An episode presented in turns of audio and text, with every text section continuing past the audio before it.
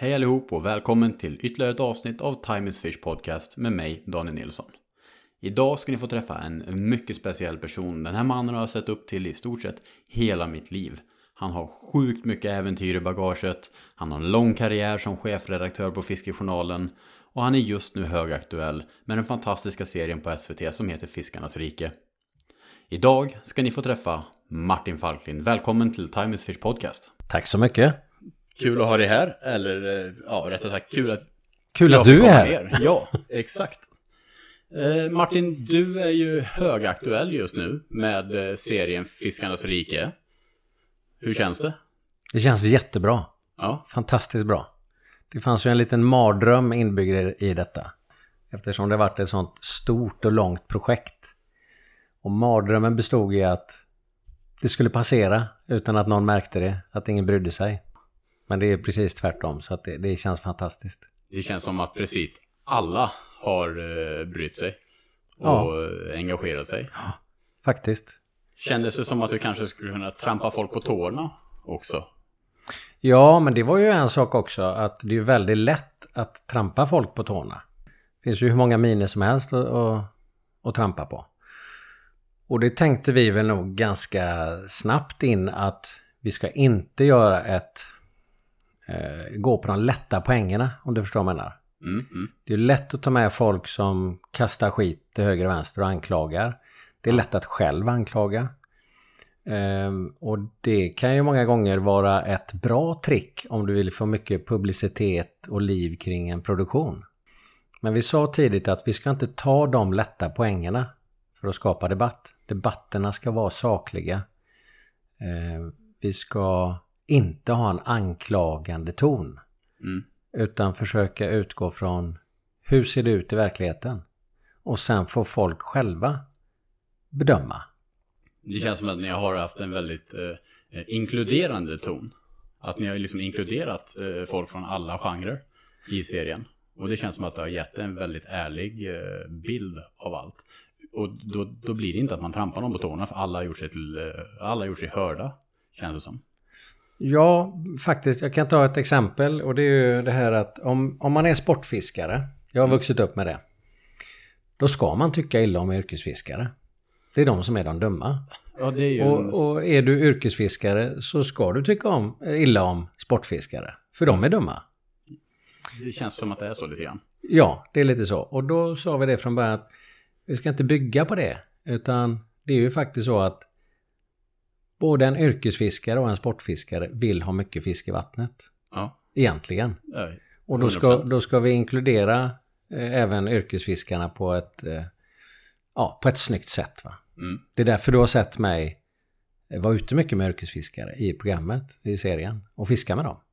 Men yrkesfiske, alltså det finns ju plats för alla. Om man jobbar på rätt sätt, eller hur? Om vi förvaltar våra vatten rätt va? Exakt. Och det tycker jag du har visat väldigt bra här och det tror jag har öppnat. Eh, för det är inte många som vet det. När jag var liten så jobbade jag åt yrkesfiskare. Jag Mm. jobbade och sålde fisk, alltså typ när jag var 12, 13, 14. Ja. Och, och det är småskaligt yrkesfiske. Ja. Där jobbade jag och sålde fisk på sommarna eh, och tjänade lite pengar. Och eh, det funkar. Ja, det, och det är klart att tar vi hand om våra vatten rätt och förvaltar det rätt. Då kan vi ha både yrkesfiske och mat på bordet och Mm. ett sportfiske. Exakt, och det tycker jag ni har visat väldigt väl i den här serien. Så det är kul att se responsen. Till stort grattis till er att ni har lyckats med det här eh, så pass bra och, och liksom på ett så moget sätt tycker jag. Hur, eh, hur började hela din karriär som har lett fram till det här Fiskarnas rike? Liksom, hur började din fiskehistoria? Hur började Martin fiska? Ja, det började nog här ute på Tjörn faktiskt. Mm, för det är här du bor nu. Det är här jag bor nu ja. Fantastiskt vackert. Det är här vi sitter just nu och tittar ut över havet. Det är jättegott är det. Ja, Balsam för själen. fantastiskt. Men, men det började nog med att jag var på somrarna hos min mormor. Här Okej. ute på Tjörn. Och började meta krabbor Mm. från bryggan. Tillsammans med de andra barnen. Och, och det tyckte jag var det mest fascinerande jag kunde tänka mig. Jag vill inte göra någonting annat. Mm. Och sen började jag se fiskarna som kom simmande där efter musslan. Mm. Och så började jag försöka fånga dem. Och de andra barnen de gav ju upp efter ett tag. De tyckte att nu har vi metat krabbor en timme. Nu bygger vi Ja. sandslott. Men jag låg kvar på bryggan och försökte fånga fiskar. Så det var en allmän fascination av Ja, det av var en allmän liksom. fascination. Det var ingen som lärde mig det på något sätt utan det kändes som att jag hade det i mig. Det var ett, allt som var under ytan var ett äventyr. Det känner jag igen mig faktiskt lite grann också. Jag var likadan. Det var mycket hajar för mig när jag var väldigt, väldigt liten. Hajar. Hajar liksom och Ja. sen allt på tv man kunde titta på som var under vattnet liksom. Ja. Så att, eh, det, det där med att ligga på bryggan, det tror jag många känner igen sig i. Mm. Oavsett om det var eh, spik och abborre eller om det var eh, krabba och småfiskar här ute. Vad hände sen då? Bodde du i Göteborg och, och så när du var ung och fiskade mycket här omkring eller hur? Jag flyttade från, från Göteborg till Lerum när jag var 7-8 år. Okej, Och där började jag då fiska i Sävån. okej, ja. Med de stora grabbarna, meta mört. ja. Och, eh, och så fick jag mitt första spö och började kasta. Och så såg jag de stora grabbarna som kom in med båten då. Mm. Och de hade fångat stora gösar och och gäddor. Och då började jag drömma om det, att jag måste skaffa en båt. Ja. Och på den vägen var det. Och sen eh, liksom har du, alltså du har ju liksom varit mycket runt om i världen och rest. Hur, när kom det in i ditt liv, själva resandet? Och den, det var bara en vidareutveckling från att du var ung och bara mer och mer och mer eller? Jag tror det var så här, jag fick en, en stillbildskamera av min far när jag var 7-8 år. Okej. Och när jag var 10 år så fick jag en, en eh, filmkamera. Och det där tyckte jag var jävligt spännande. Okej. Och någon gång där, ganska unga år, så började jag... Jag började drömma om att, att få uppleva fiskeäventyr Mhm. runt om i världen. Och någonstans där så började jag komma fram till att hur gör jag detta till ett jobb? Hur kan man leva av det? Ja, kanske genom att skriva artiklar och göra filmer. Mm. Där någonstans i, i tonåren så kom den idén. Jag visste inte riktigt hur man skulle göra men, men, men tanken väcktes att om jag lägger ihop filmandet, fotandet och fisket så kanske man kan få ett jobb av det där. Ja. Och det gjorde du? Det gjorde jag, men det var en lång väg. Säga. hur, hur började den vägen liksom att göra det här eh, till ett yrke? Vart, vart var dina första steg in i, i det liksom? Jag började jobba på lokal-tv i Göteborg och där Ja. gjorde vi sportprogram. Okej, var du framför kameran eller bakom kameran? Då var jag bakom kameran. Ja. Och jag var helt ointresserad av sport. Okej. Totalt ointresserad. Men jag tänkte om jag lär mig det här jobbet Mm. så kanske jag någon gång i framtiden kan göra fiskeprogram. Det är ju smart. Så varje måndagsmöte vi hade och alla presenterade att ja, nu går SM i bordtennis, det måste vi göra någonting, någonting av och så vidare. Och så när alla hade presenterat alla sportgrejer så tittade de på mig och då sa att ja, och jag har ju en himla bra idé för att nu snart så är det ju havsöringpremiär. Det kan vi göra någonting på. Bu, tyckte alla. Och var det så här varje vecka på mötena? Varje vecka. Ja. Och de var så trötta på mig. Det blev aldrig något fiskeprogram där. Så då kom jag fram till att då får jag nog starta eget. Mm. Så det gjorde jag. Så jag startade eget. Och... Ett eh, eget filmbolag? Ett eget, fi- produktionsbolag? eh, eget produktionsbolag. Okej, ja. Och, eh, och då fick man ju börja springa till tv-kanalerna och presentera sina idéer. Hur, vilket årtionde snackar vi om nu? Är det ett sent 80-tal det här eller? Ja, sent 80-tal. Och, Ja. och jag lyckades få in en och annan liten, litet inslag på eh, svensk tv. Naturprogrammen. Kanske en liten fyra minuters grej. Ja. Eh, Det var något program som hette Äventyr. Då gjorde jag en kanske en 10 minuters inslag från Seychellerna exempelvis. Mm. Och eh, men det där gick ju inte att leva på för fem öre utan gick ju back på det. Och det, jag tyckte liksom eh, jag ville ju göra egna filmer. Mm. Och så jag presenterade massa olika förslag till dem. Sveriges Television då framför allt. Eh, Och då var jag ju så ung så att jag förstår nu i efterhand varför de inte litade på mig. Eller varför de inte trodde att jag kunde göra någonting. Ja, hur gammal Lite var större. du då ungefär alltså? Ja, då var jag 20 någonting. 20 och några år.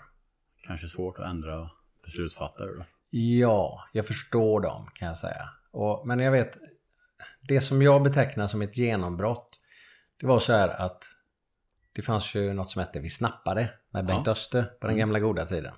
Och han hade lite monopol på att göra svenska fiskeprogram. Mhm. Så när jag förstod det, då började jag ändra taktik och så sa jag, men om vi gör något riktigt, riktigt häftigt utifrån världen. Mm. Någon riktigt häftig fisk. Då kanske ni vill ha det.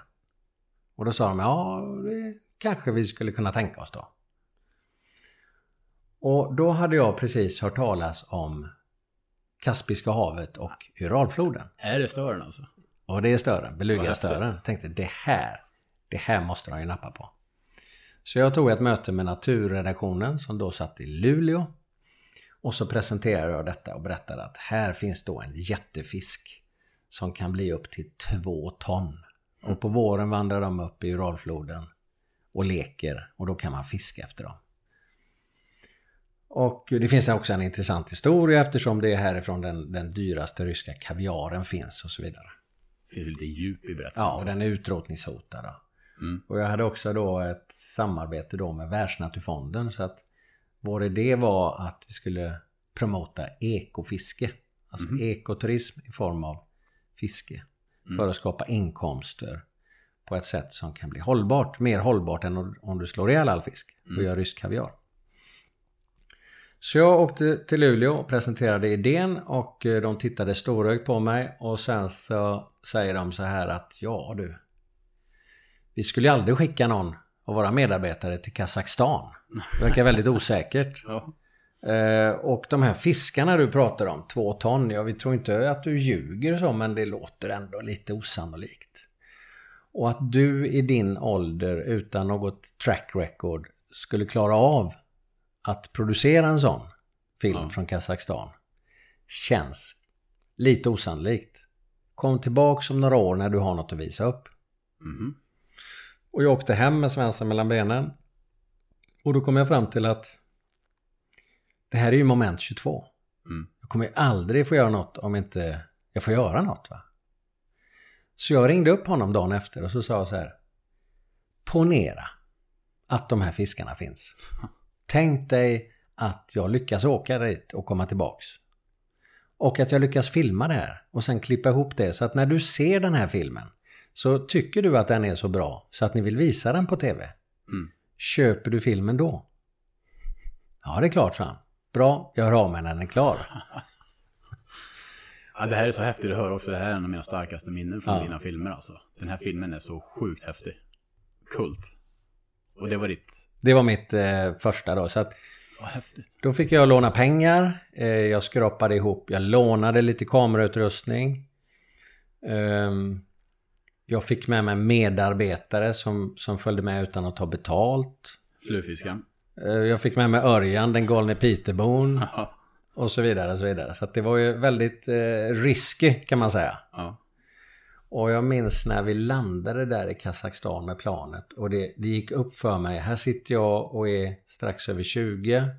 Jag har ingen erfarenhet av någon sån här produktion. Jag vet inte hur det ser ut i det här landet. Jag har ingen aning hur det här ska gå. Hade ni någon kontakt där som ni kunde arbeta med liksom, och få lite svar och, och så liksom? Ja, vi hade lite kontakter på plats men, men det var ju ett land som inte fungerar riktigt som Sverige om man säger så. Ja, det, jag kan förstå att frågetecknen var många. Ja, och de första fyra dagarna kom vi inte ut och fick fiska för då, hade, då var maffian där ute och fiskade. Så då ville inte fiskeriinspektörerna att vi skulle komma dit. För de var ju givetvis mutade av maffian. Ja, Att hålla borta andra. det är så sorgligt men ja. Ja. Eh, Så att jag tänkte det här kommer ju gå åt skogen. Det blir aldrig mer något eh, fiskeprogram här. Men så kom vi ut i deltat och fick filmat de här grejerna och klippte ihop det. Och när jag skickade det till, till tv så ringde han upp två dagar senare och sa att du det här var riktigt bra. Den här köper vi. Ja. Och då sa jag, vad bra, för jag har nämligen en idé till. det kan jag tänka mig, säger han. Ja, vad roligt alltså. Men du vet, alla kan ju ha tur en gång. Okej, sa jag. Så det är samma deal igen då? Ja, samma deal igen, sa han. Och då gjorde vi Expedition Kenya. Med de här Okej. nilabborrarna och det. Ja, den kommer jag ihåg mycket väl också. Och när vi var klara med den så säger eh, jag så här att kan ni tänka er nu att göra en beställning? Mm. Nej, du vet alla kan ju ha tur två gånger, säger han då. Gud vad jobbig han var. Ja. Och då gjorde jag Expedition Amazonas. Ja. Och när den var klar så sa jag till honom att och han sa att den här är jättebra. Bra. Säg nu inte att man kan ha tur tre gånger, sa jag. Ja. Nej, det kan man inte ha. Så från den dagen då, då fick jag kontrakt med tv i förskott innan jag började då. Mm. häftigt. Det, det, det är kul att höra de här filmerna. Alltså, det, det är verkligen kult. Någonting som jag växte upp med när jag var ung. De här filmerna. Så det är coolt att höra. Riktigt coolt att höra. Speciellt det med störfilmen. För de, det har alltid funnits med en. Eh, Det äventyret var så himla... Det var så mycket liksom. Mm. Det kändes verkligen när man tittade på att det här var ett äventyr. Ja, och sen för att förstärka äventyret, jag vet inte om du tänkte på det, men vi hade ju alltid med oss en ungdom på de här resorna. Ja, det kanske det var. Ja, så i, i Beluga hade vi en kille som hette Jim som var 14 år. Ja, Så vi hade, det, vi hade ju ja. en tävling inför varje sån här expeditionsresa tillsammans med Sportfiskarna som var Jaha, över hela okej. Sverige. Som gick ut på att vinnaren skulle få följa med på en sån här expeditionsresa. Ja. Det är ju häftigt. Det är häftigt. Men när vi var i ja, någon av de här sista resorna så insåg jag att det här är lite riskabelt alltså. Mm. Och ta med ungdomar långt in i djunglerna.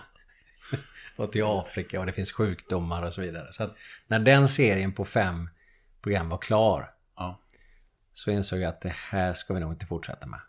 Tänk Okej, om det ja. händer den här ungdomen någonting.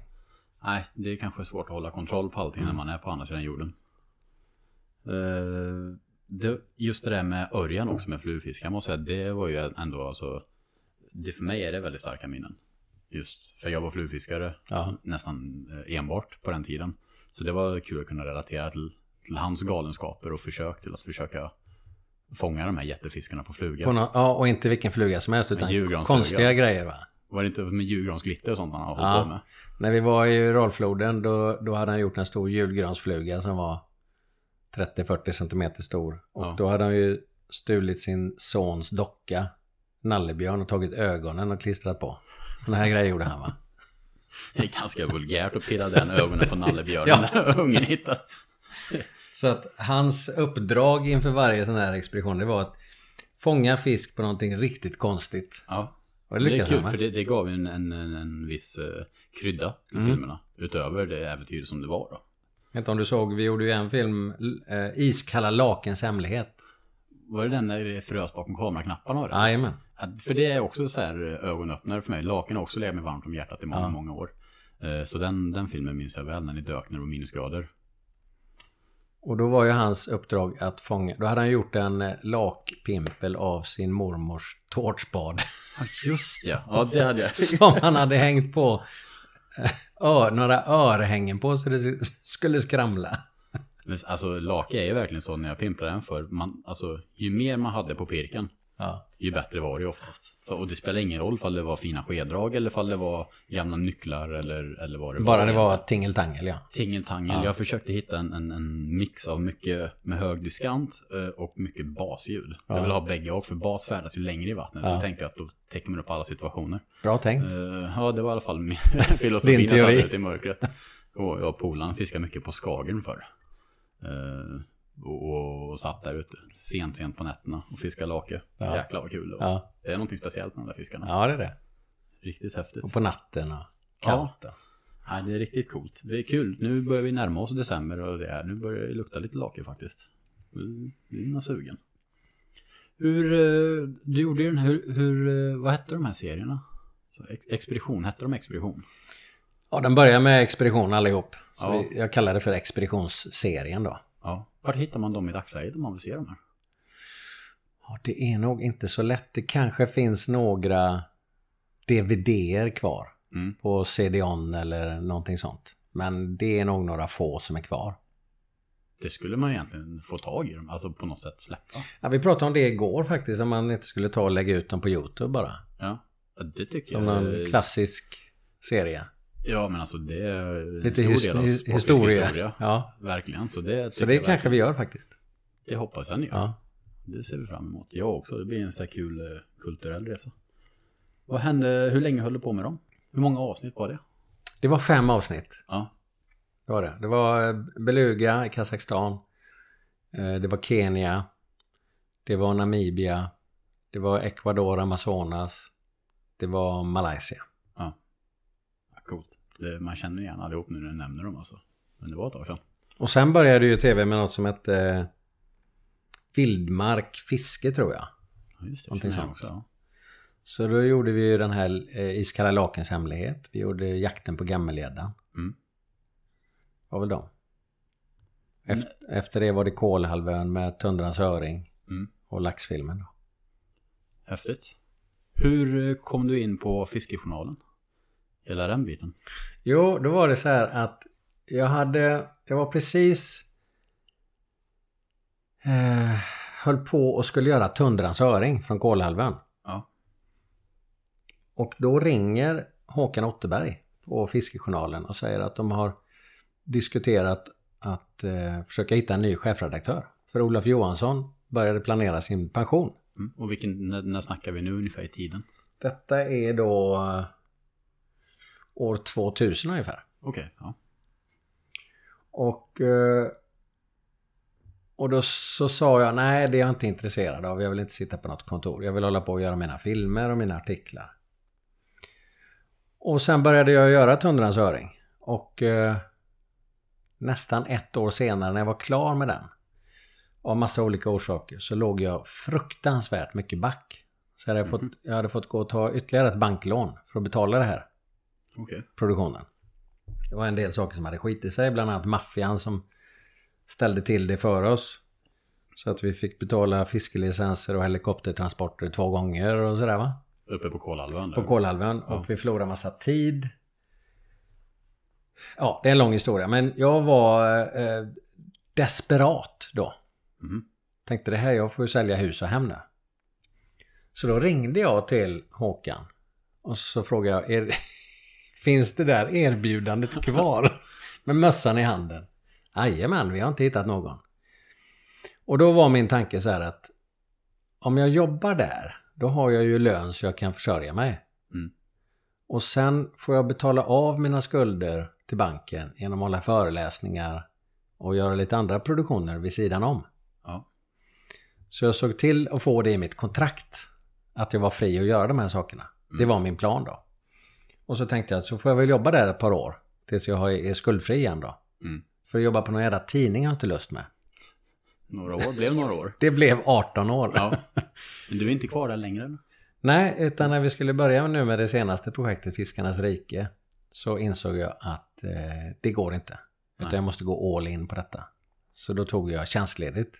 Okej, ja. Vilket jag var i, i tre år då. Och sen insåg jag att nej, jag ska nog fortsätta med detta. Så då sa jag upp mig då. För det är så jag känner det och många andra känner det via, via Fiskejournalen. Ja. Eh, och och även eh, mitt första personliga liksom, eh, minne av det, det var när du kom och föreläste eh, på Sportfiskakademin, troligtvis 2007. Mhm. Om just eh, eh, Kolahalvön. Och hur mycket mygg det var och allting där uppe. Just Det Och hur man skiter på Dundra. Det glömmer jag aldrig när du gick i motvind tills man knappt kunde hålla sig. Exakt. Och sen fick natur- tyngdlagen göra sitt. Ja, Men det ska gå fort. jag tror jag kan citera dig på den faktiskt, den med tyngdlagen. Det var några år sedan, men det är kul hur saker och ting etsas fast i minnet. Och jag tror många, många med mig minns starka höjdpunkter det är liksom ifrån, eh, från din långa karriär. Mm. Nej, det Och tog det- ju bara två år sedan älskade jag ju det jobbet. Mm. Det var ju fantastiskt. Var jättekul. Och det smärtade mig oerhört. Eh, Det var en separationsångest som var stor. Mm. Efter att ha jobbat där i, i 18 år. Jag förstår det. Det blir ju en livsstil. Ja, Speciellt när det har med fiske att göra. När Ja. det är så inflätat i, i ens eget, eh, ja, all kärlek i det liksom. precis. Det blir väldigt speciellt tror jag. Hur... eh, du har gjort en del coola projekt kring, som du säger, att du, du kunde göra andra projekt utöver ditt jobb och Fiskejournalen. Vad, vad minns du mest väl som sidoprojekt liksom? Ja, det mest galna är nog eh, Den gamla havet. Ja, Expeditionen Gamla havet. det var en häftig, häftig film faktiskt. Det var eh, sinnessjukt. Mm. kan man säga. Skräckblandad förtjusning. Ja, det förstår jag. Det är ju en övermäktig uppgift. Ja, men det är en sån galen idé va? Ja. Ja, det är riktigt coolt. Men vad är det det...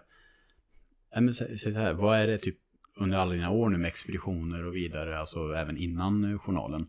Vad är liksom, den, har du stått vid någon punkt, eller du har antagligen stått vid många punkter, har du stått vid någon punkt där du bara, vad håller jag på med? Hur hamnar jag här?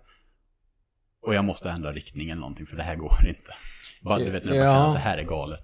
Nu är jag illa ute. Jo, men det är ju några sådana punkter såklart. Eh, Dels när man inte får upp ekonomin. Ja. För ambitionerna är högre än budgeten. Mm. Men det är också vissa händelser då som... Eh, en gång när jag stod i Amazonas, med vatten upp till bröstet. Och upptäckte att jag var omslingrad av en anakonda. som jag fick bort genom att slå i huvudet med min... Faktiskt den lådan som är där. Den där silvriga. Den silverlådan ja. Den ser ut som någonting man bör slå ett stort djur Ja, med om man En, behöver. en eh, aluminiumlåda full med kamerautrustning. Den ser robust ut. Då tänker man ju, vad håller jag på med? Så. Och den gamla havet var ju samma sak. När man sitter där i en kajak. Ehm, jag kan berätta om ett tillfälle som jag verkligen tänkte, vad håller jag på med? Jättegärna. Från det gamla havet. Mm. Och det var på min rekognoseringstur. Den första egentligen. Vi bara åkte och kikade läge lite. Och Ja, för att testa om det här funkar då. Och Vart var det ni var och fiskade? vi var i kaliforniska halvöns sydspets Okej, ja. i Mexiko. Mm. I Stilla havet. Och hela idén grundar sig ju på att att jag läste Den gamla havet när jag var 14 år kanske. Och den har liksom etsat sig fast i mig. Den känslan Ja. om den här Santiago som ensam fångar den här jättefisken som är större än hans båt. Som drar hans båt i flera dagar. Mm. Och det har på något sätt blivit... Det blev som en dröm. När jag var pojk. Jag tänka mig det. Ibland man satt i en kanot. Fick man bara en gädda på några kilo så ser man hur kanoten dras efter. Mm. Då tänkte jag för mig själv så här. Jag är den gamla havet. Jaha. Så, för mig själv. Och sen i vuxen ålder så så fick jag bara in, en ingivelse att jag skulle faktiskt någon gång i mitt liv få känna den känslan på riktigt. Där fisken är större än min båt. När fisken är helt överlägsen. När den egentligen är helt överlägsen. Ja. Och känna hur det känns.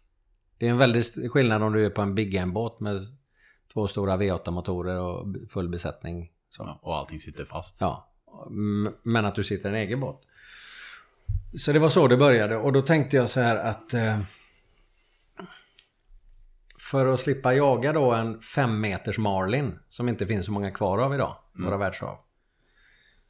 Eh, utan ha en chans så får jag gå ner i båtstorlek. Och då kom jag på att en sån här fiskekajak funkar ju bra. Om jag tar den minsta hobbykajaken som är 2,92. Ja, då, då är man nere i storlek. Ja, då är man nere. Så det räcker jag får en liten 3 meters. Ja, Så- liten ja. Ja. Men i alla fall, eh, den här första resan. Då tog jag med en kajak ut på båten. Jag tog några makrillar som jag skulle ha som bete. Mm. Och mitt spö. Och så bad jag mina kompisar på Big Game-båten att håll er nu nära här. För det var ändå lite otäckt. Så, Det, så, att, det här filmade ni inte eller? Nej, filmade Nej, det här inte. är bara för Ja. kika. Ja. så jag sjösatte min kajak från Big Game-båten. Ja. Jag tog mitt spö, jag tog eh, några makrillar som jag la en liten nätpåse. Mm. Som jag band i relingen. Låg i vattnet. Och så bad jag mina vänner på Biggenbåten att håll er nu nära mig. Ifall jag behöver hjälp. Mm. Och så puttade jag ifrån och så låg jag kanske 10 meter från Biggenbåten och släppte ner min, min betesfisk på kanske 40 meters djup. Och så tog det inte fem minuter så ropade de från Biggenbåten. Martin! eh, Vi har sett en jädra massa fåglar borta vid horisonten. Vi sticker dit en stund och fiskar och vi, vi är snart tillbaka. Och så drog de. Va? Så då satt jag där helt själv. En miss i kommunikationen. En liten miss i kommunikationen ja. Och jag tänkte de är väl borta en liten stund. Det var ju inte så att du hade en telefon på dig. Du bara kunde Nej, smsa nej, liksom. nej. Och det var ju detta jag kom på. Jag hade ingen skyddsutrustning, ingen radiokommunikation. Ingen kniv att skära mig loss ifall jag skulle trassla in med linan. Nej. Ingenting va? Noll. Jag hade noll. Åh, vilken ångest. Och när jag sitter där och de har försvunnit så kommer de första sjölejonen runt båten och är nyfikna. Och det är ju stora djur, de är på flera hundra Ja, kilo. de är ju stora liksom. Och det kom upp en stor tjur där någon meter från mig så här och, och tittade på mig. Med tänder som är 8 cm stora hörntänder va. Nej.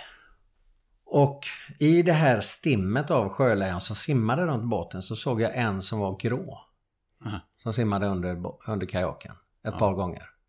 Och tredje vändan när den är kanske 40 meter från kajaken så vänder den och så sätter den full fart mot mig. Och kommer upp i ytläge. Och man ser som en, en plogvåg va. Och i den här plogvågen så kommer en fena och börjar fräsa. En ryggfena. Och sjölejon har inga ryggfenor. Eh, exakt så. Och eh, den har givetvis ställt in sig på mina makrillar som jag har hängande i relingen där va. Ja just det, du har ju till och med chummat lite. Jajamän. hade jag inte riktigt tänkt på. Men i alla fall när den kommer fram till båten så... Jag vet inte, det bara kom till mig där. Jag körde ner spöet under ytan och så vispade jag med det. Ja. Fram och tillbaks. Och lyckades träffa då av slumpen. Den här, det var en hammarhaj då, så jag träffade den rätt i ena ögat. Ja. Så den vänder och slår stjärtfenan i relingen så att jag nästan välter. Uff, de kan ju bli jättestora de där. Och den simmar iväg och jag tänker, vad håller jag på med? Nu, för nu ska ju den och hämta sina kompisar va. Sen har jag ingen chans va. Och precis i det ögonblicket så slår det till. Boom! I spötoppen. Och då förstår jag ju vad det är. Det är en marlin som har slagit mitt byte. Ja, de slår sig där med svärdet. Ja, precis. En marlin tar ju en stor bytesfisk, eh, till exempel en, om du ska ta en 10-15 kilos tonfisk. Då spetsar han den. Ja, okej. Och så slår den några gånger och slår sönder inälvorna och har då dödat bytesfisken och sen sväljer den den.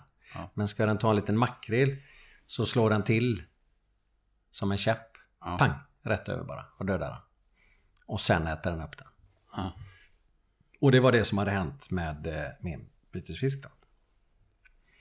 Och jag visste inte riktigt om jag ville att den skulle ta bytet för jag var ju i sån chocktillstånd efter hajen och sjölejonen. Det var väl inte en optimal situation kanske? Ingen optimal, optimal situation. Men då känner jag hur linan spänner upp och den börjar dra va. Och jag hade inte förberett mig riktigt hur gör jag nu. Men jag insåg att jag måste släppa på bromsen. Och se vilket håll den simmar. Mm. Och så paddla mig så att jag har fören åt det håll som den simmar. Innan jag drar åt bromsen. För annars kommer jag ju kapsejsa här va. Tråkigt att bli dragen snett bakåt eller någonting. Eh, Exakt, eller från sidan. Den här drog ju från sidan så jag gjorde en liten halvsväng. När jag såg att jag hade samma riktning som fisken så började jag sakta dra åt bromsen. Och då känner ju den motståndet så då ökar ju den farten. Och börjar accelerera. Eh, och jag Häftigt. drar långsamt åt bromsen och sakta accelererar jag upp i samma fart som fisken. Så när den har dragit kanske 200 meter, då har jag 100 meter kvar men har samma fart som fisken då. Så då står spolen still och du Då står spolen still och jag åker efter i vattenskidfart va. Ja. Det som händer då, det är att kaptenen på vår båt står på flybridge x antal kilometer bort och spanar efter nya dyk. För det dyket de åkte till, det hade, det hade avtagit då. Och som han berättar för mig sen då att jag har varit på havet i 40 år. Men den här synen var helt ny. Jag ser vid horisontens rand en kajak som far fram i typ 20 knop. Nej, satan vad roligt. Men sjukt otäckt. Alltså, Ja. Och så, och så tar ju de upp eh, jakten på mig då. Och då känns det lite bättre. Men under den tiden som jag drogs efter den, då tänkte jag just den tanken. Vad är det jag håller på med? Förstår jag. En rimlig tanke? En rimlig tanke. Och, och det som hände sen då, det är att eh, spöet går av. Och lin, linan går av. Jag hade ju helt fel grejer. Jag går upp i Big Game-båten. Dricker en liter vatten. Lägger mig ner. Jag är så trött så jag måste sova. För jag har fått någon halv chock där va. Ja, alltså det förstår jag. Man, man blir tömd på all energi när Helt, helt, lägger helt tömd. Och, och min kompis Pasi han säger till mig så här. Martin. Fan så mycket dumma grejer du har gjort. Men det här var nog fast med det dummaste. Alltså, det här gör du aldrig om va? Nej, nej det gör jag aldrig om säger jag. Och så somnar jag. Aha. Och i min dröm så tänker jag så här. Hur hade, hur hade Hemingway tänkt? Mm. Hur hade Santiago tänkt? Det är klart jag ska göra om det här. Ja. Fast jag måste förbereda mig. Jag måste göra på rätt sätt. Och ha polare som stannar kvar. Ha polare som stannar kvar. Kanske ha kommunikationsutrustning, en kniv att skära med loss. Kanske en eh, skottsäker väst så Ja. att jag inte blir spetsad och så vidare. Och så vidare. så det, jag drömmer den drömmen. Det är ju det med de där också. De hoppar ju gärna när de kommer nära. Ja, ja, de hoppar. Och eh, mitt i drömmen så hör jag hur alla börjar skrika och det plaskar runt båten. Så jag sätter mig upp och då ser jag att alla på båten står och hänger över akten. Och tittar ner på någonting och pekar. Så jag hoppar ju upp och tittar ner där också och då får jag se en stor sill, som en stor diskokula på kanske tre meter i diameter. Cool. Av sardiner som bara simmar runt, runt, runt, runt, runt. Bara tre meter under båten. Ja. Och under den här diskobollen så är det tre eller fyra marlin. I stridsfärger då. De får ju så här riktigt fluorescerande färger då. För att skrämma bytesfisken. Ja. Och då blir jag fiskesugen igen. Fast inte från kajak då. Utan jag, jag tar eh, s- en långskaftad hov som står mot flybridge. Ja. Ner med den. Fångar några sardiner mitt i diskokulan. Lägger i, i ehm, betes... Livewell. Livewell ja, precis. Och så sätter jag på, på min cirkelkrok en ström, sån här liten sardin. Släpper ner den mitt i diskokulan. Ja. Och precis då så ropar Pass igen. Martin! Vad fan är det där? Och så tittar vi upp. Och då ser vi som en stor skugga kommer i vattnet. Ett par hundra meter bort. Jaha. Stor som en buss. Rakt mot båten. Och vi tror att det är en skugga från ett moln. För vi kan inte riktigt förstå vad det är. Så vi tittar upp och ser att det är inga moln. Det är molnfritt. Och precis när den är några meter ifrån så öppnar sig som ett, en garageinfart. Det är när en stor sillval öppnar gapet och slukar hela den här diskobollen då. Vart var din? Med sardiner. Den var ju mitt i. Ja. Så vi tittar bara på varandra och sen... Så du blev besegrad två gånger samma dag? Ja. Du tog en tupplur emellan bara? Men då bestämde jag mig för att det här är ju helt otroligt. Vilket levande hav. Ja. Vad kommer det sig att det här havet är så levande? Eh, Det här måste jag ta reda på. Och då fick jag ju reda på det när jag, när jag sökte inne i, i stan efter, efter histor, historiken kring den här staden då, Cabo San Lucas. Ja. Och det var att på 70-talet så kom en, en vändpunkt för staden. Man eh, fick mindre och mindre fiskfångster. Trots att man åkte längre och längre ut. Man levde på fiske helt och hållet. Mm. Och Don Louis Bullness som var den starke mannen i byn. Det var han som ägde fiskfabriken. Det var han som köpte in all fisk. Mhm. Eh, där, och kvinnorna, alla kv- kvinnor i byn jobbade där för att göra konserv, fiskkonserver av detta och skeppa ut. Mm. Han insåg att det här kommer gå åt skogen.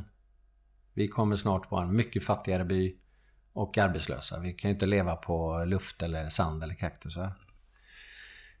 Så han kan man säga tvingade byn att gå över till sportfisketurism istället.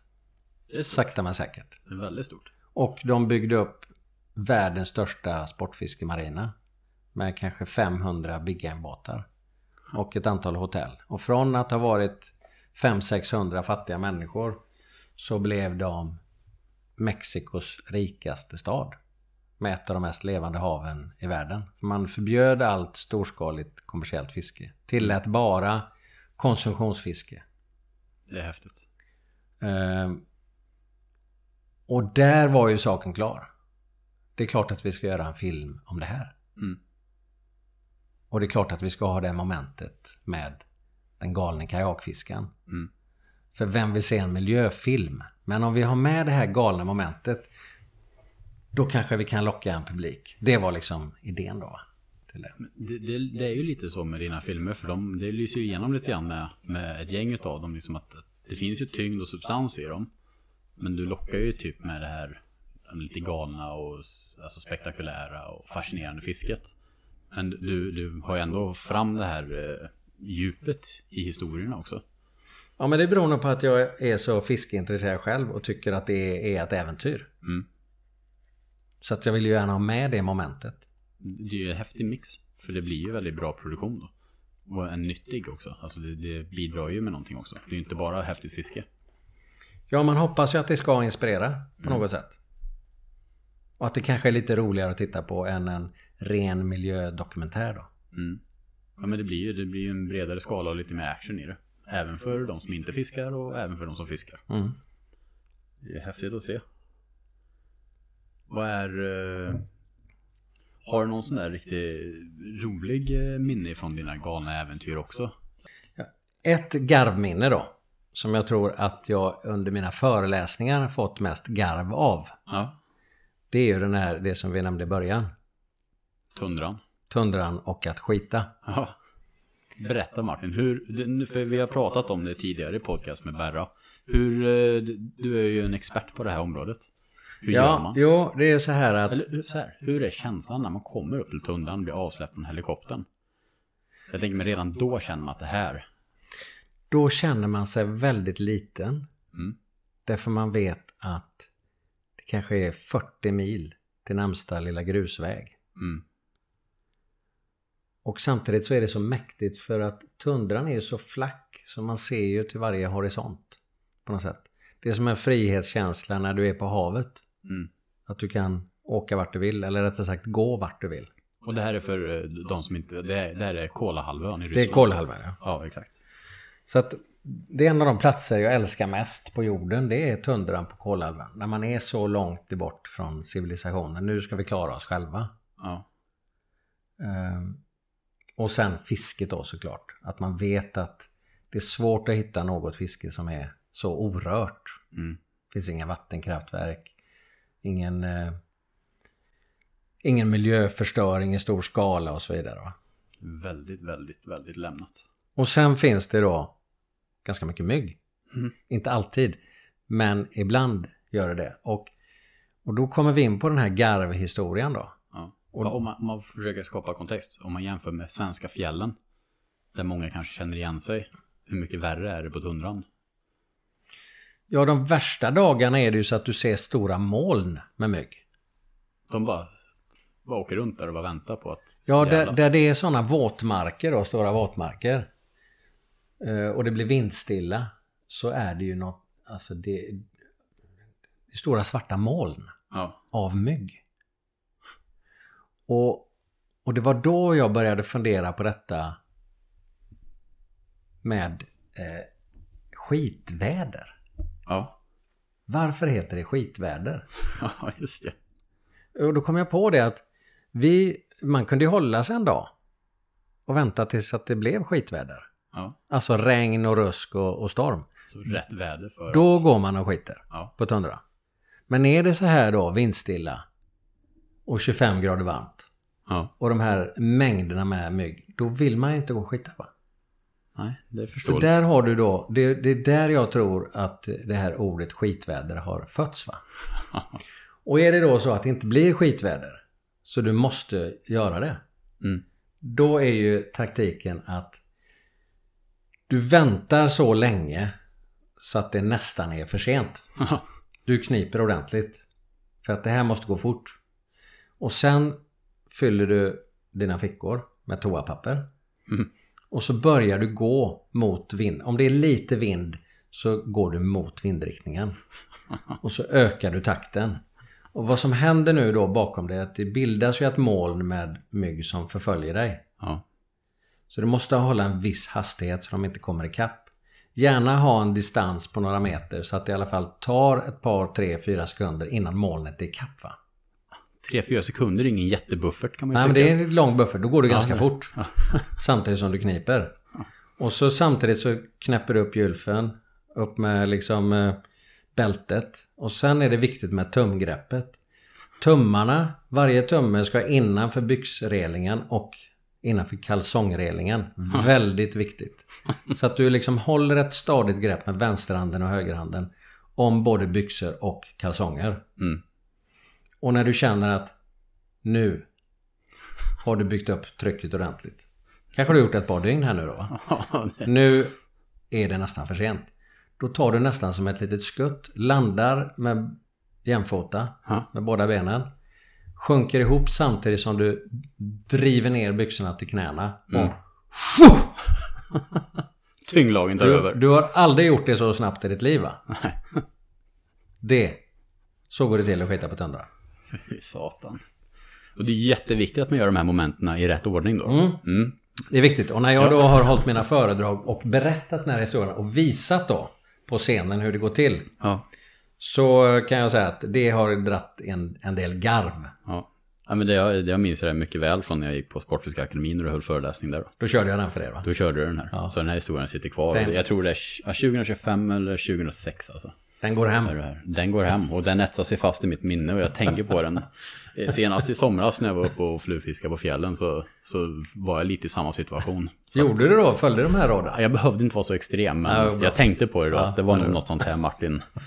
Så det ska du veta, det finns med mig i, i även de mörka stunderna. Ja, vad härligt. Det gläder mig. Ja. Nej, det är superkul att höra om.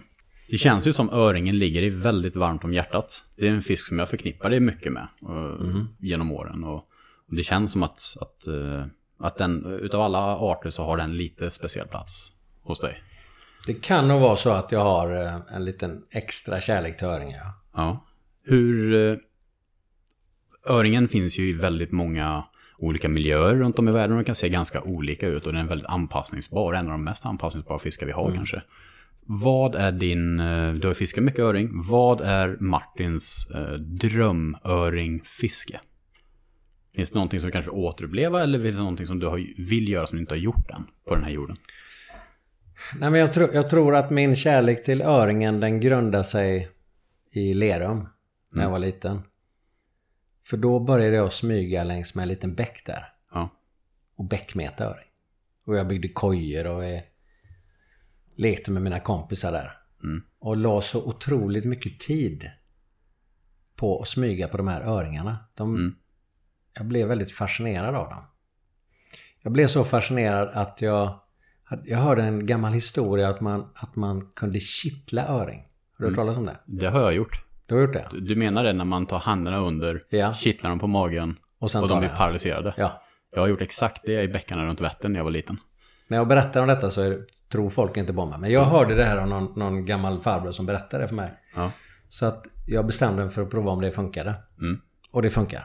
Det, är, det är riktigt häftigt faktiskt. Men du får ju röra dig som en... Eh, ja, sengångare. Mm. Får ju krypa fram till... Du får först hitta öringen. Och sen åla dig fram. Och så sen sträcka ut handen så långsamt så att det inte går att se att den rör på sig. Mm. Typ. Jag, jag har gjort exakt samma. Det är skithäftigt att Ja. du berättar om det. Ja. För det, det gjorde jag mycket när jag var liten. Liksom, och man kan lyfta upp dem Mm. ovanför vattnet. Mm. Och de är helt stilla. Ja. Och så kan du bara sänka, och, och så liksom bara betrakta dem. Jag kommer ihåg det så väl när jag var typ så här 12-13 när jag började smyga runt Jäknasunder och sånt i, längs med Vättern då, i bäckarna. Eh, och, och liksom bara kunna betrakta de här häftiga fiskarna. Vad de gör i den här lilla bäcken. Det är så onaturligt. Och sen bara sänka ner dem igen. ja. Det är en mäktig upplevelse. Ja, det är det. Så det, det är väl det som har grundat min kärlek till öringen då. Ja, vad kul. Skulle jag tro. Och just som du säger då att den, att den kan ta så många skepnader. Ja, det måste vara en av de mest anpassningsbara fiskarna Ja, i världen. Det är nog en av de mest spridda fiskarna i världen. Ja. Engelsmännen har ju planterat ut den över hela jordklotet. Ja, Och den har lyckats anpassa sig. det är häftigt. Till små bäckar, stora älvar, stora sjöar, små sjöar, havet. Visst är det väl så eh, att öring, alltså det är egentligen samma art. Samma art, Havsöring, insjööring, Ja. bäcköring. Det är egentligen samma art. Det är samma art. Så att eh, avkomman från en havsöring kan bli en bäcköring. Det är så jäkla coolt. Och avkomman från en bäcköring kan bli en insjööring. Ja. Samma fisk. Men det de har gemensamt är att de behöver sötvatten för att, alltså, De måste De ha måste ju ha sötvatten sötvatten. för att leka. ja.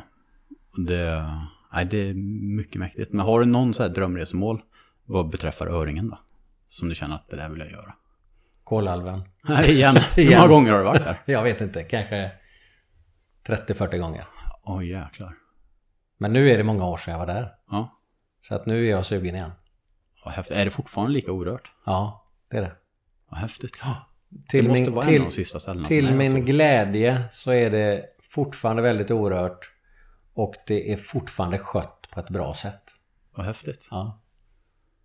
Det, det är inte så många ställen som är så pass orörda ändå. Nej, Alltså, om, om vi tar exempelvis Beluga då. Mm. När vi åkte dit och gjorde den expeditionen 1991. Då beräknade man att det var 10% kvar av beståndet. Redan då alltså. Ja. Och då var det mycket fisk. Det upplevde ju vi då när Ja. de samlades för lek. Men nu är det alltså nästan i princip några få fiskar kvar va? Mm. Och det är den ryska kaviarn som är boven.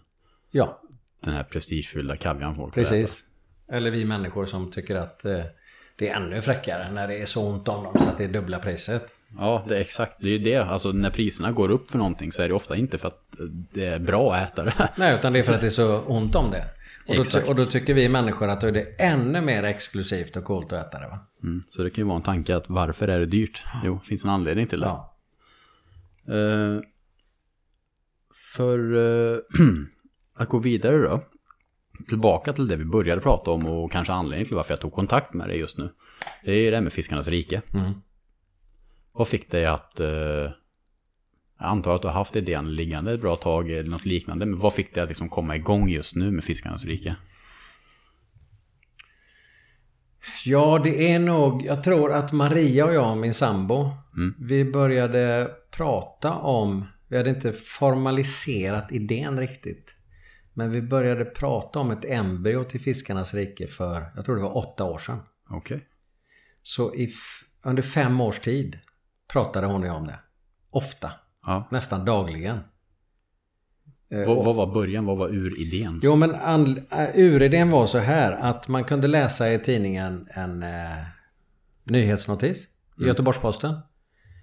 Eh, nu är torsken borta. En vecka senare kunde man läsa eh, nu är torsken tillbaka. Nu ökar torsken. Alltså ingen ordning på rapporteringen. Eh, när, när journalisterna ställer frågor till beslutsfattare eller kraftbolag så ställer de fel frågor. Enligt vad vi tyckte då. Ja. Så. Vi tyckte att rapporteringen om vattenmiljöfrågor var rent ut sagt usel. Mm. Och fragmentarisk. Som läsare av tidningen eller om det nu var någon miljönyhet på TV, vilket det ju knappt var på den tiden. Mm. Så var den inte korrekt och den var väldigt, väldigt... Det var bara en liten, liten pusselbit i det hela. Mm. Som tittare eller läsare så fick du ingen helhetsbild av vad handlar det här om. Mm. Och det var då vi började fundera på ett projekt där man kunde ge en lite större helhetsbild. Och faktiskt vi- visa vad är det vi håller på att ställa till med. Mm. Vilken usel förvaltning vi har av våra vatten. Och hur vi kanske allihop är delaktiga i den. Det är lätt att hitta en, enskilda syndare. Men vi är ju syndare allihop. I allra högsta grad. Exakt. Så är det ju på ett eller annat sätt. Vi tar inte hand om våra vatten. Och det här höll vi på att älta i, i fem år. Och tills Maria sa så här att nu har vi tjatat om det här i fem år. Antingen så gör vi det eller också slutar vi tjata om det. Där någonstans. Så hon satte ner foten och sa nu, nu får vi göra något åt detta. Jag tror att det kom lite som en chock för folk som har sett serien för att eh, jag, jag tror att eh, folk lever i bilden av att vi är väldigt duktiga på att ta hand om naturen i Sverige. Jag tror att det är så. Att alltså, det känns som att Sverige Så- ändå är bra. Jag tror det är den generella uppfattningen. Så tror jag det. Ja. Faktiskt. Så jag tror att folk får sig en liksom... En tankeställare. Oj, herregud. Mm. Och Jag tror att ni har gjort det på ett sånt sätt som det är ganska lätt för folk att ta in. Dels att bli fascinerad över allt det häftiga ni har filmat. eh, Men och då också sammanflätat med det här djupa eh, problemen. Som ligger i, i allting. Ja, och det var ju en sak vi bestämde oss tidigt för. Att vi kan inte bara göra en film eller en filmserie om allt dåligt vi gör. Nej. Den blir ju oändligt lång och fullständigt meningslös. Mm. Varför ska jag titta på det här? Leder ju ändå ingen vart. Utan vi, vi kom fram till ganska tidigt att vi måste ju visa det fina som är. Mm. Det häftiga som är. Eh, vad händer där nere? Hur hänger saker och ting ihop? Mm. Till och med insekterna är viktiga. Till och med knottens bajs är viktiga. Mm. För älgarna. Ja, men det, var, det var väldigt, väldigt kul att se allt det här. Ja. Det skapar ju tror jag mycket intresse och, och att folk blir intresserade och då blir det också lättare att se problemen och ta åt sig dem. Ja, man måste förstå att allting hänger ihop. Allting vi gör mot ett vatten påverkar det va? Mm. Och sen kom vi också tidigt fram till att vi måste visa lösningarna. Och i början så hade vi nog en idé om att vi skulle presentera lösningarna. Mm. Tills vi kom fram till att det är nog heller inte rätt väg att gå. För det är de lösningarna som vi då kommer tycka är lösningarna. Mm. Utan det är bättre att vi letar upp goda exempel. Som är ett bevis på att lösningar fungerar. Jättebra tänkt. Och utan att på något sätt hävda att, man måste göra den här lösningen på det viset. Men det kan ändå bli en ögonöppnare för folk att se att vi tjänar faktiskt mer som samhälle på att ta hand om våra vatten. Mm. Och det finns ju många exempel på det. Som du nämnde med Cabo San Lucas Det är och ett jättebra exempel. Och, det, Florida. Jättebra exempel. och, och vi hade ett tag var vi inne på att använda Cabo och San Lucas som ett, det goda exemplet på havet då. Men så kom vi fram till att det är eh, Det är ett land som många av oss inte riktigt förstår oss på. Eh, och det är väldigt enkelspårigt att sportfisket var lösningen. Mm. Och det kan bli då många som inte känner sig inkluderade där. Exempelvis yrkesfiskare. Mm. Så vi kom fram till att det är bättre att vi väljer ett land där vi kan identifiera oss lite mer kanske.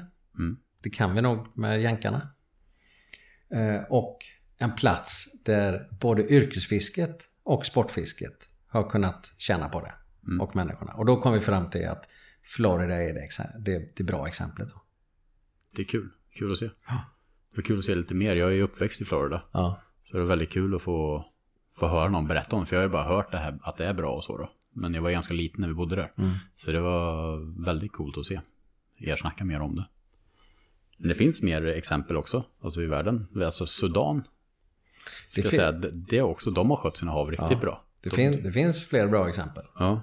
Det gör det. Det, Men de är tyvärr färre än de dåliga exemplen. ja, men Tyvärr det, är det så. Det, är- det är ett gäng land som tar sitt ansvar. Ja. Och försöker liksom göra bra för sina hav. Hoppas eh, Sverige... Nu var det någonting med trålningsgränsen flyttades ju ut här nyligen, eller hur? Ja, det officiella beslutet kommer väl klubbas på torsdag. Okej, ja. Vad jag förstår.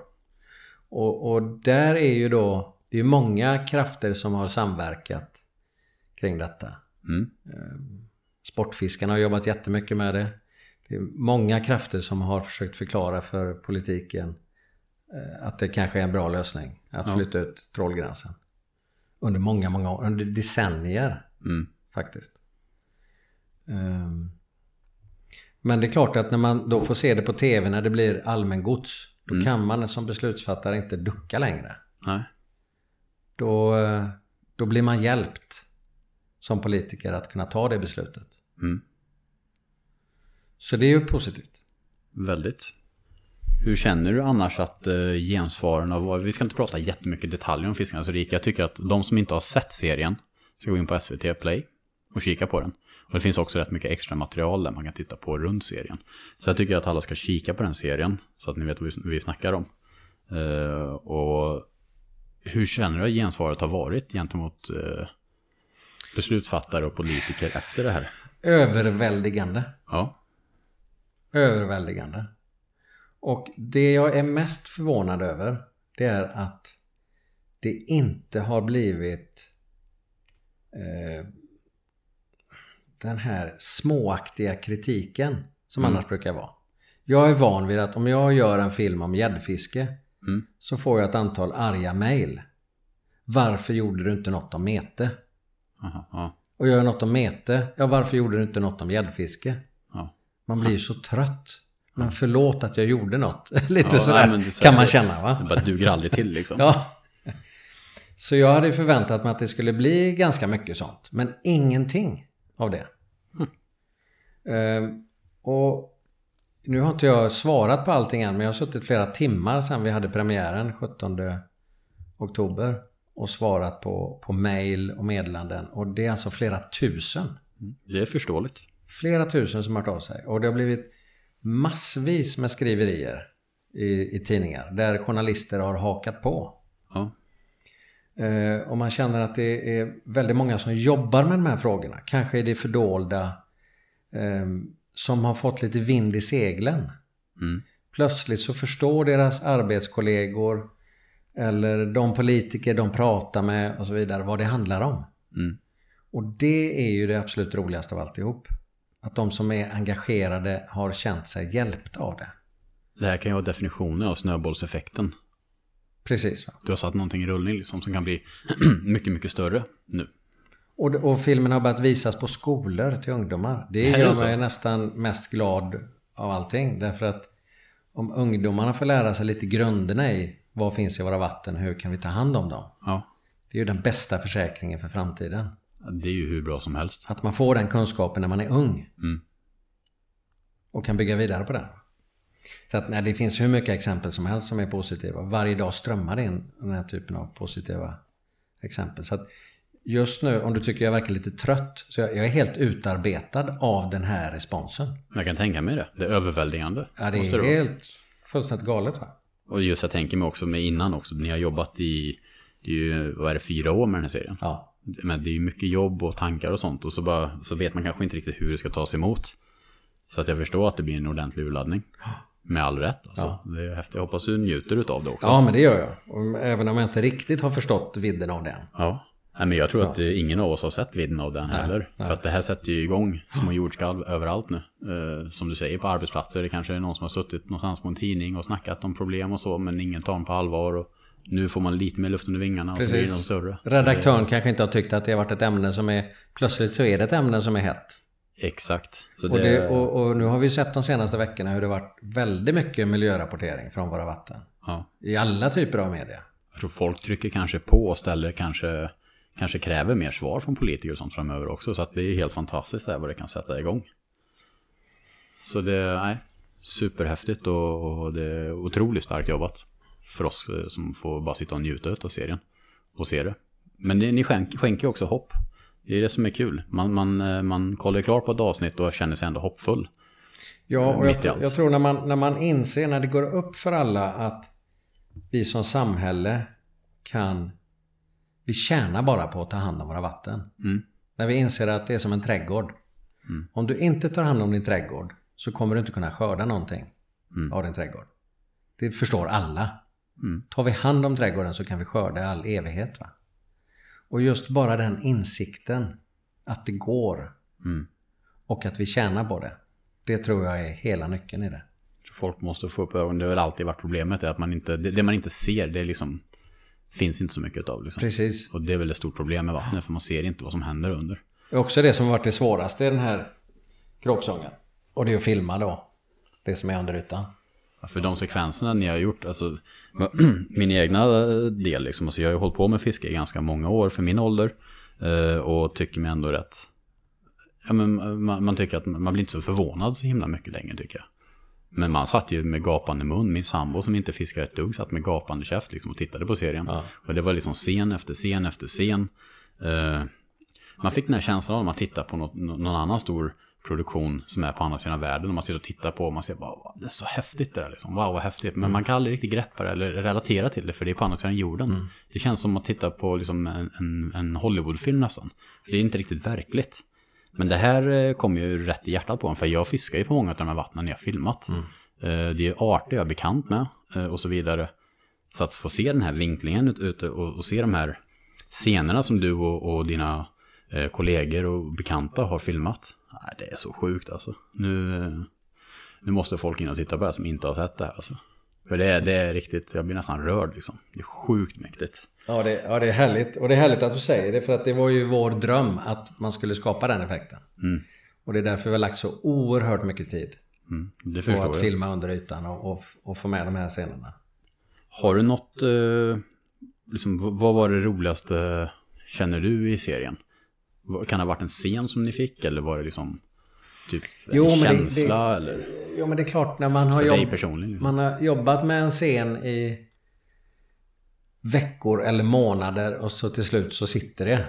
Då är man ju euforisk. Ja, Samtidigt, varje gång man har gjort det så inser man Okej, det här var några sekunder. Aha, Vi ska ja. göra tre timmar.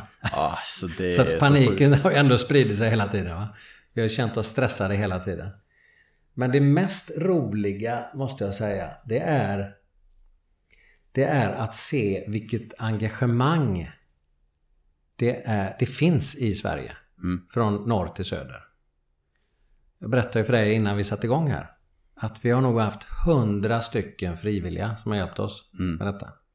Inte varje dag, men personer som har haft koll på sin lilla bäck. Mm. Som har ringt och sagt att nu stiger öringen. Nu kan ni filma laxhoppen i den här i det här vattenfallet. Eller vad det nu kan vara. För det är ju det, det är inte bara att åka till ett ställe och filma. Nej. Det är ju mycket som ska klaffa för att få den här Precis så. scenen ni har fått. Och vi liksom. kan ju inte sätta en filmare på varje ställe och vänta i en månad på att något ska hända. Utan vi har varit beroende av att folk har hjälpt oss. Och det har ju varit eh, massivt, Mm. den hjälpen. Eh, folk har varit så glada över att vi gör någonting om svenska vatten. Så att de har ställt upp på detta helt frivilligt. Och sen också att se alla som är engagerade i någon typ av vatten eller fiskevård. Mm. Eh, Så att man har, jag tycker att jag har insett att det finns ett väldigt mycket större hopp än Mm. innan vi började. När jag ser allt det här engagemanget. Det finns en väldigt, väldigt stabil grund. För att det ska bli bättre. Ja. Nu krävs det bara att beslutsfattarna också hänger med på detta. Mm. Och det här är ju rätt, rätt produktion att leda till bra beslut. Det är jag helt säker på. Om du Martin skulle få välja en sak för att förändra. En stor sak som skulle ha stor betydelse för, för våra hav just nu. Och ja, men, säg när vattnet är generellt här i Sverige. Vad skulle den stora förändringen vara? Egentligen är det en attitydsfråga. Från våra beslutsfattare. Bra svar. Precis som jag sa där. Börja se på vatten som en trädgård som vi tar hand om. Mm. Med den attityden kan det bara lyckas. Mm. Sen kan jag ju rabbla upp massa saker, detaljer man ska göra. Men om man har den attityden Mm. mot våra vatten. Det här är en trädgård vi ska ta hand om för oss själva och våra barn och barnbarn. Då är saken klar. Då är svaren givna. Det, det är helt sant. Egentligen. För då ser man på, kanske på det på ett helt annat sätt. Precis. Det, och det där, det där täcker upp min nästa fråga. Jag tänkte fråga dig vad gemene man kan göra liksom för att göra det här bättre. Och, Ja, det är också en lång lista där? av saker. Men om vi, om vi tar... Vad är det bästa man kan göra? Det beror ju lite på vad det är. Men en bra sak, till exempel. Det är om du ser någonting. Typ som i filmerna här. Som vi visar när, när fiskar far illa vid ett vattenkraftverk. Eller vad det nu kan vara för någonting. Mm. Ta en bild med mobilen. Skicka den till lokaltidningen. Mm. Mm. Och berätta om det. Ja. Det är en enkel sak. Man behöver inte göra en stor tre timmars dokumentär. Nej. Man kan ta en bild och skicka in. ja. Eh, om det är något missförhållande i där du bor som du har gått och knutit näven åt många gånger. Skicka ett medborgarförslag. Gå in på kommunens hemsida Mm. och leta upp medborgarförslag. Och skriv sakligt. Och fråga hur har ni tänkt lösa detta? Det är ett väldigt bra sätt därför att kommunens tjänstemän får inte negligera en sån fråga, ett medborgarförslag. Det här visste inte ens jag att det fanns alltså. Vad, är det på kommunernas hemsida? Det finns Jajamän, där? finns hos alla. De måste svara seriöst. Okej. Och den informationen, det du skickar in är offentlig handling. Och det kommunens tjänstemän svarar är offentlig handling. Vart publiceras sånt här? Det finns ju på deras hemsida. Det finns där. Och det går att få tag i för journalister. Mm. Vilket betyder att de måste ta din fråga på allvar. Då kan de stå till svars för sitt agerande. Då kan de stå till svars för det, i alla fall i media. Ja. Eh, Så det är ett väldigt bra sätt där en person med en åsikt kan bli hörd. Och är du inte nöjd med ditt svar, du tycker att det slingras, skicka ett motsvar då. Eller motfråga. Och får du ett svar som du tycker är eh, oseriöst, tipsa lokaltidningen. Det var ju väldigt, väldigt bra tips där. Ja, man behöver inte vara en, en, en stor organisation eller ett jättestort filmteam Mm. för att påverka. Om alla gör det, så, så synliggör man ju, ska vi säga, problemen då. Eller lösningarna. Det är en sak. En annan sak är byt elleverantör. Vet inte om man får göra reklam här. Får jag nämna då? Ja, att- du får göra bäst du vill. Ja. Den är helt oberoende. Det, det avgör jag. Eh, Och tyvärr finns det inte så många att välja på. Mm. Men av egen erfarenhet så har jag då under flera år studerat ett. Jag gjorde en efterlysning i Fiskejournalen för massa år sedan. Mm. Jag var så trött på att skriva om alla kraftbolag som eh, gjorde dåliga saker. Så jag gjorde en efterlysning. Hej Sverige, finns det något kraftbolag som gör det här så bra som möjligt? Som miljöanpassar sin verksamhet. Och då fick jag reda på Tranås Energi och sen har jag genomlyst dem ordentligt. Och kommit fram till att här har vi ett seriöst kraftbolag som gör det bästa möjliga. Som bygger fiskvägar, som släpper vatten i sina torrfåror av egen fri vilja. Har inte du varit där och filmat lite grann sånt också? Jajamän, jag har gjort. Ja, jag Och- tycker jag känner igen det. Och Älvräddarna har eh, miljödiplomerat dem också. Okej, okej. Och Älvräddarna är ju ganska hårda. Så. Ja. Byt till Tranås Energi. Mm. Och meddela din leverantör av el varför du har bytt. Skicka dem ett mejl och säg jag har bytt till Tranås Energi. Därför att eh, de tar ansvar vid sina kraftverk. Jag tycker inte att ni gör det. Jättebra tips. Och eh, det, pengar talar ju va? Och det är jättebra om man också då lämnar en anledning till varför. Ja. Eh, såklart. Eh, Så, så det är några exempel på hur man själv direkt kan påverka. Och gör tillräckligt många människor detta så klart att det händer någonting. Till slut så börjar kraftbolagen tänka på att vi kanske skulle göra någonting här för att behålla våra kunder. Snöbollseffekten. Många bäckar små. Ja, så tänk inte att det inte spelar någon roll vad jag gör. Nej. Jättebra. Och sen jag tycker, alltså det förra är också med att, att bara den gemena, gemene mans inställning till hur man ser på vatten. Ja, Att det ska vara som en trädgård. Ja. Alltså det var också, den gillar jag väldigt mycket. För då blir det mycket lättare att ta på, på det i stort. då blir det helt naturligt vilka beslut du ska ta. Då förstår nog, alltså vem som helst förstår vad det är vi har att göra med. Ja. Sjukt bra. Eh, vi ska ta och runda av här Martin. Vill du eh, lyfta upp någonting annat eller påpeka någonting? Just ja, det måste jag få göra reklam för. Du ska ut på en turné nu. Föreläsningsturné. Jajamän, börjar Om- på söndag den Ja. 28. 28 november. Jajamän. Eh, och den, det är nästan en, det är kvällar efter varandra, eller hur? Ja, det är under två veckor så ska jag till tio olika städer. Ja. Och sen gör vi ett litet uppehåll och sen i januari, februari så tar jag 15 städer till då. Ja. Kul, jag såg, eh, du har ju lagt ut på din Instagram, eh, kanske på Facebook också, Mm. eh, mer information och du har en länk eh, i din Instagram-profil också. Just där det. man kan hitta datum, tider och boka biljetter då. Exakt. Eh, vad heter du på Instagram Martin? Martin Falklind heter jag där. Mm, ett ord bara. Ja. Kanon, då vet ni vart ni ska hitta honom. Och som sagt, eh, vi skulle kunna prata i flera timmar här om Fiskarnas rike, men jag tycker att ni, jag ska försöka gå på en av de här föreläsningarna. Kan tyvärr inte gå i Örebro, men någon annan. Och så tycker jag ni också går och kika på det, för att Martin är en fantastisk berättare och jag kan lova att det kommer vara en del godsaker kring inspelningen och, och sånt där man inte Ja, får ja. se va? Jag kommer berätta, ni, kan, om, ni som har sett bakom kulisserna, Ja. eh, de här extra filmerna på SVT Play. Det här blir bakom kulisserna, bakom kulisserna. Okej, det är som en sån här rysk docka, man bara öppnar upp ytterligare ett lager där. Så Martin, tack så jättemycket för att du tog dig tid eh, och att jag fick komma ner och prata lite med dig. Tack så mycket. Hoppas ni lyssnare har gillat det här och eh, ja, helt enkelt. Tack så mycket för er tid. Ha det så bra.